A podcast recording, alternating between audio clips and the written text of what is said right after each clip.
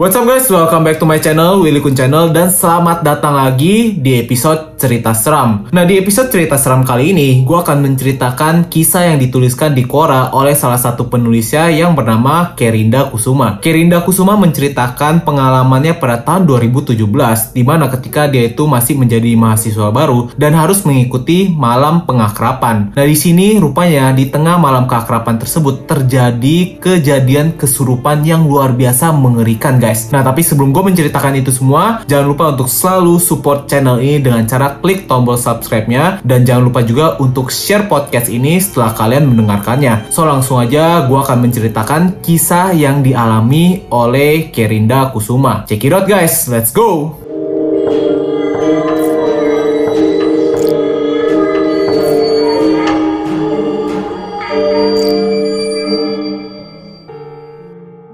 Kisah yang dialami oleh Kerinda Kusuma ini dialami pada tahun 2017 dan dia sebut dengan judul Villa Berhantu. Jadi flashback balik ke tahun 2017.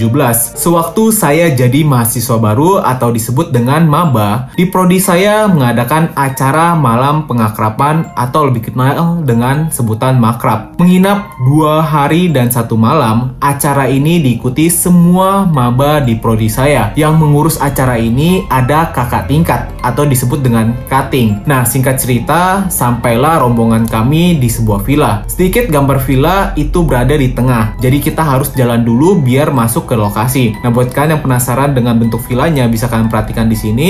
Di samping sebelah kanan itu ada aspal, kemudian villanya di tengah-tengah, dan di bagian atasnya itu ada lapangan besar. Nah, kemudian penulis juga mengatakan, mohon maaf gambar yang absurd, seperti itulah susah dijelasin. Villa ini nampak depan bagus khas rumah Belanda zaman dulu dengan dua lantai lantai dan ada balkon kecilnya. First impression saya setelah masuk villa itu yaitu wah mirip rumah di film Pengabdi Setan. Yang dibilang gini gak cuma saya ya, teman saya juga bilang gitu. Mau ngasih fotonya takut spill nama dan lokasi villa ini. Nah, tangga menuju lantai 2 terbuat dari kayu, lantai atas juga dari kayu bukan semen atau cor. Banyak lukisan, patung, dan jendela kaca besar. Nah, buat kalian yang penasaran juga dengan keadaan villanya di dalamnya itu bagaimana, bisa kalian langsung lihat aja. Di sini terlihat bentuk tangga yang dari kayu, kemudian ada horden, dan banyak lukisan-lukisan. Salah satunya adalah lukisan penari Bali di sebelah kiri. Lantai satu khusus untuk maba, sedangkan lantai atas khusus buat cutting. Saya dapat bagian kamar depan, uhui, kasurnya empuk tapi agak serem di kamar mandinya karena sempit memanjang.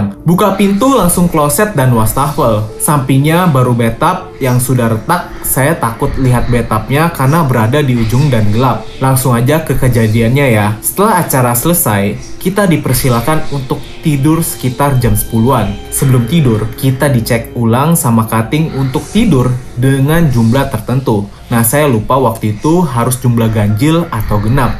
Singkat saya, satu kamar rame-rame sekitar 5 sampai 10 orang dan saya lupa. Posisi ada yang tidur di atas ranjang dan bawah. Saya sendiri kebagian tidur di ranjang atas. Nah, sebelum tidur, kita ini ribut dulu, tim lampu mati atau tim lampu hidup.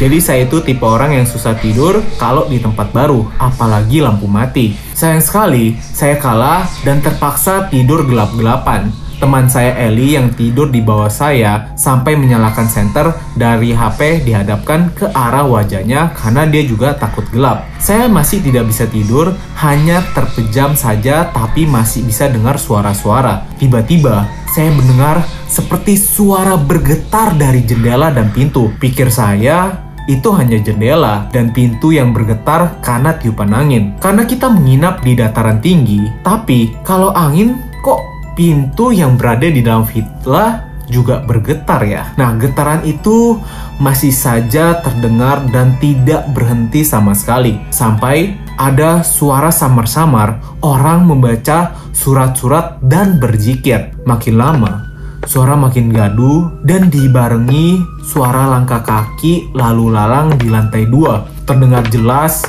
karena terbuat dari kayu.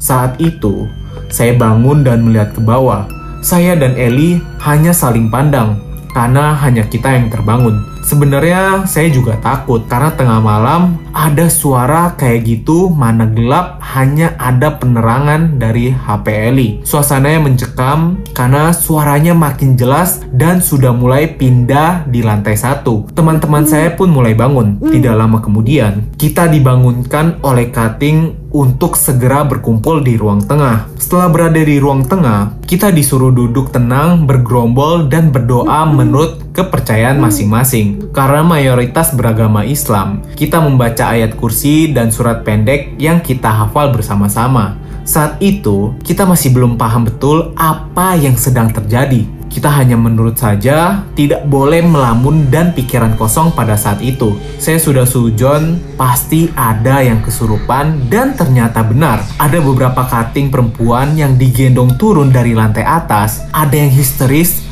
ada juga yang lemas tidak sadarkan diri. Ternyata ada beberapa kating yang mengalami kesurupan. Seingat saya, saat itu jam menunjukkan pukul 12 malam. Makin horor aja gak tuh suasananya. Cutting segera menutup jendela-jendela gorden, lukisan, dan cermin. Ada yang dibalik, diturunkan, dan ditutup kain. Karena keadaan semakin tidak kondusif, semakin banyak cutting yang kena. Sampai ada beberapa orang yang datang, mungkin warga setempat, untuk menolong kami. Hawa dingin dan kejadian horor itu pun perpaduan yang mantap. Ada salah satu cutting yang waktu kerasukan, itu menunjuk-nunjuk pojokan dan patung pada saat itu. Langsung deh, itu patung diturunkan dari meja. Yang saya heran, orang yang kesurupan itu semuanya cutting cewek. Gak ada cutting cowok sama sekali. Saya sempat kena semprot ke hama cutting karena saya terlihat sedang melamun. Padahal, saya hanya fokus melihat cutting saya yang kesurupan. Dan saya juga sedang komat kamit di dalam hati saya. Setelah semua suasana kondusif, sekitar jam 2 lebih, kita dipersilakan untuk tidur.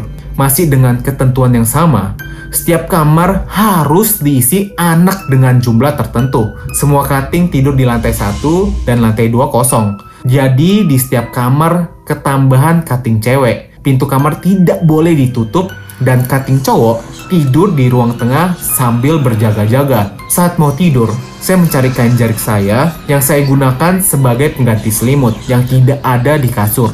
Ternyata, setelah saya cari, kain jarik saya berada di pojok dekat kamar mandi yang digunakan untuk menutupi lukisan. Karena saya takut, saya tidak jadi ambil dan menggunakan kain jarik tersebut. Keesokan harinya, sebelum senam, Kating bilang kejadian semalam itu hanya acting. Hmm, acting. Huh, kita para maba tidak ada yang percaya. Nah, kejadian makrab itu menjadi perbincangan hangat para mahasiswa di prodi saya. Kita saling bertukar cerita dan informasi mengenai kejadian waktu makrab kemarin. Ternyata, yang mendengar suara getaran tidak hanya saya aja, tetapi hampir semua isi yang berada di villa tersebut memang jendela dan pintunya bergetar. Ada juga yang mengatakan melihat sosok perempuan yang sering duduk disebut dengan Miske di halaman belakang villa. Melihat dari jendela, ada yang takut melihat lukisan karena lukisannya seolah-olah memperhatikannya ke mana pun dia bergerak. Ya,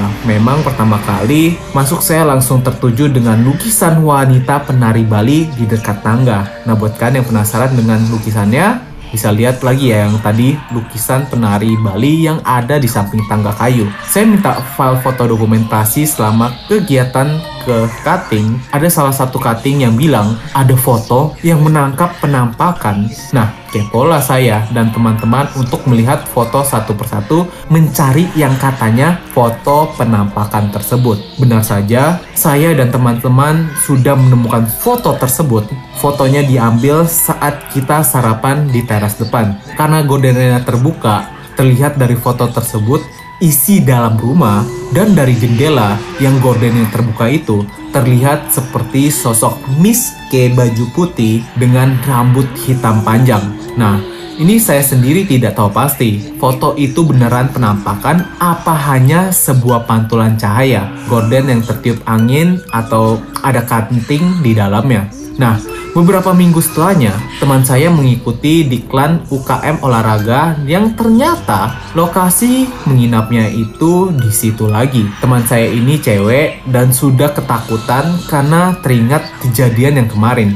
Singkat cerita, setelah pulang dari diklat, dia bercerita tidak ada kejadian kesurupan, tetapi ada cerita horor juga. Temannya duduk di sekitar villa, di sampingnya terlihat sosok berbadan besar yang kita sering menyebutnya Om Uwo cerita dari teman ini yang indigo. Di sana dia banyak melihat sosok-sosok tidak kasat mata. Setelah empat tahun kejadian, alias saat ini, saya sedang dekat dengan cutting cowok yang dulu saat makrab pacarnya juga kesurupan. Saya tanya dan ternyata kejadian tersebut asli tanpa rekayasa dan acting. Saya mencoba kepo kenapa bisa ada kejadian tersebut yang katanya cutting banyak tingkah di lantai atas dan ada tata ruang yang dirubah oleh cutting. Katanya sih seperti itu. Karena cutting cowok ini juga tidak terlalu paham dan sudah mulai lupa kejadian tersebut. Nah, sebenarnya saya udah beberapa kali mengalami kejadian horor tentang kesurupan, tetapi menurut saya sendiri, ini yang paling horor. Bonus beberapa ulasan di Google tentang villa tersebut yang mengatakan 4 tahun yang lalu, villa tersebut horor, luas, nyaman, kalau malam hati-hati ya. Kemudian tempatnya jauh dari keramaian, enak sepi, tapi juga seram. Penakut emang. Nah kemudian ulasan terakhir yang mau nginep di sini tempatnya enak, yang mau syuting horor juga bisa. Tempatnya sangat mendukung. Nah, kalau ada yang tahu, please jangan spill nama villanya. Takut berdampak buruk dengan villanya. Atas kebijakannya, saya ucapkan terima kasih. Untuk teman-teman atau cutting yang baca, Maafkan saya kalau ada cerita yang kurang, karena sudah lupa detailnya. Anggap saja bukan saya yang menulis. Nah itulah kisah yang dialami oleh penulis di mana ketika dia mengikuti makrab pada tahun 2017. Gimana menurut kalian kisahnya ini? Ada gak yang pernah mengalami kejadian tersebut lagi nginep di villa dan digangguin sosok horor seperti itu? Nah kalau buat kalian yang mau menceritakan kisah horor kalian dan mau dibahas di podcast ini dan di channel YouTube gua, langsung aja bisa kalian ceritakan di DM Instagram gua yaitu di Willy Kun. Nanti akan gue bawakan untuk kita share bersama-sama guys. Nah itu dia video hari ini dan podcast hari ini. Thank you guys for watching this video dan telah mendengarkan podcast ini. See you guys in the next video dan jangan lupa untuk selalu support channel ini karena subscribe itu gratis langsung ya klik tombol subscribe-nya dan share podcast ini ke teman-teman kalian dan ke semua orang guys thank you guys for watching this video ciao Música